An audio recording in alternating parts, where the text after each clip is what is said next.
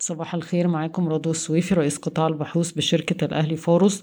تضررت الأسواق العالمية والمحلية بشدة يوم الخميس بعد أن شنت روسيا غزوا واسع النطاق على أوكرانيا وبالنظر إلى التقلبات المتوقعة في الأسواق بشكل عام والتي ستقودها التطورات الإخبارية نقدم آه، بعض المؤشرات والأفكار آه، لتوليد آه، عائد والحفاظ على آه، الربحية المحتملة والتحوط من المخاطر المحتملة. طيب إيه هي المخاطر المحتملة اللي ممكن نشهدها في الفترة الجاية؟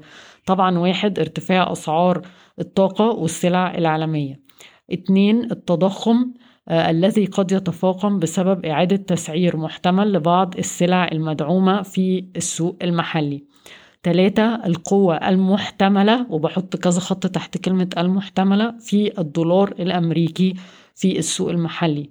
أربعة آه، معدلات فايدة أعلى على الأقل لو حتى ما رفعناش أسعار الكوريدور بس على السندات السيادية وأذون الخزانة نتيجة لارتفاع معدلات مبادلة التخلف عن سداد الائتمان. تمام طيب إزاي ممكن نتحوط من المخاطر المحتملة دي؟ واحد لازم يكون في المحفظة بتاعتنا تخصيص لأدوات الدخل الثابت خاصة إن إحنا عارفين إن هيكون في ارتفاع على العوائد عليها آه زي ما ذكرنا بسبب آه ارتفاع معدلات مبادلة التخلف عن سداد الائتمان وطبيعي إن المستثمرين هتطلب عوائد أعلى على أدوات العائد الثابت. طيب اتنين عندنا آه تلات مخاطر نقدر نتحوط بيهم بفرصة واحدة. إيه هما؟ آه، القوة المحتملة في الدولار الأمريكي ارتفاع أسعار السلع العالمية ثلاثة نقص المعروض العالمي ونقدر نتحوط ضد الثلاث مخاطر دول آه، عن طريق الاستثمار في المنتجين الصناعيين اللي بيصدروا آه، سلع عالمية زي مين؟ زي القبضة الكويتية أبو قير موبكو مصر للألمنيوم عز ستيل سيدي كرير أموك والنساجون الشرقيون. ولو هنختار اسم واحد من كل دول هنختار إيكي هولدنج نظرا لأنها يمكن بتسد كل الفجوات اللي اتكلمنا عليها زي ارتفاع أسعار بتستفيد من ارتفاع أسعار الطاقة بتستفيد من ارتفاع أسعار السلع العالمية من خلال اسكندرية للأسمدة ومن خلال سبريا. عندها صادرات تستفيد من قوة الدولار الأمريكي. وكمان بتوزع توزيعات دولارية فبتدينا عائد بالدولار الأمريكي. طيب بالنسبة لمخاطر التضخم وارتفاع أسعار الفايدة المستفيدين الأساسيين هي البنوك والمقرضون من آه، من الشركات اللي هي المالية غير المصرفية وطبعا المطورين العقاريين.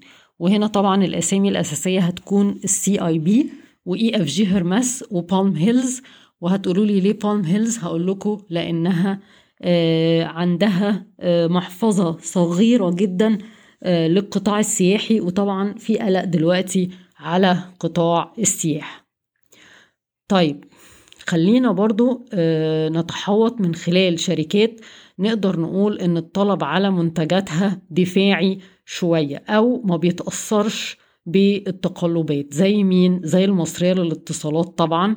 ال data وال mobile services والإنترنت الأرضي. آه، عندنا برضو طبعا القاهرة للاستثمار والخدمات التعليمية سيرة. عندنا مستشفيات كيلوباترا وعندنا الشركة الشرقية للدخان. وطبعا هتقولوا لي بالنسبة لشركة سيرا وكيلوباترا آه، طبعا آه، حتى لو في تضخم وارتفاع في تكاليفهم بيسهل إن هم يمرروها للمستهلك وشوفنا كده ما بعد التعويم. طيب بالنسبة لشركة الشرقية للدخان يمكن موضوع الرخصة الجديدة ده وكل المخاطر المرتبطة بالرخصة الجديدة ظاهر بالفعل على سعر السهم. وإحنا عملنا زي سيناريو وضغطنا فيه على الأرباح في حال دخول المستثمر الجديد ولقينا إن القيمة العادلة 13 جنيه ونص يعني أعلى بأكتر من 30% من سعر السوق. وبالتالي شايفين إن السهم آه، جذاب في المستويات الحالية زائد إن هو يعتبر سهم تحوط آه، من الدرجة الأولى.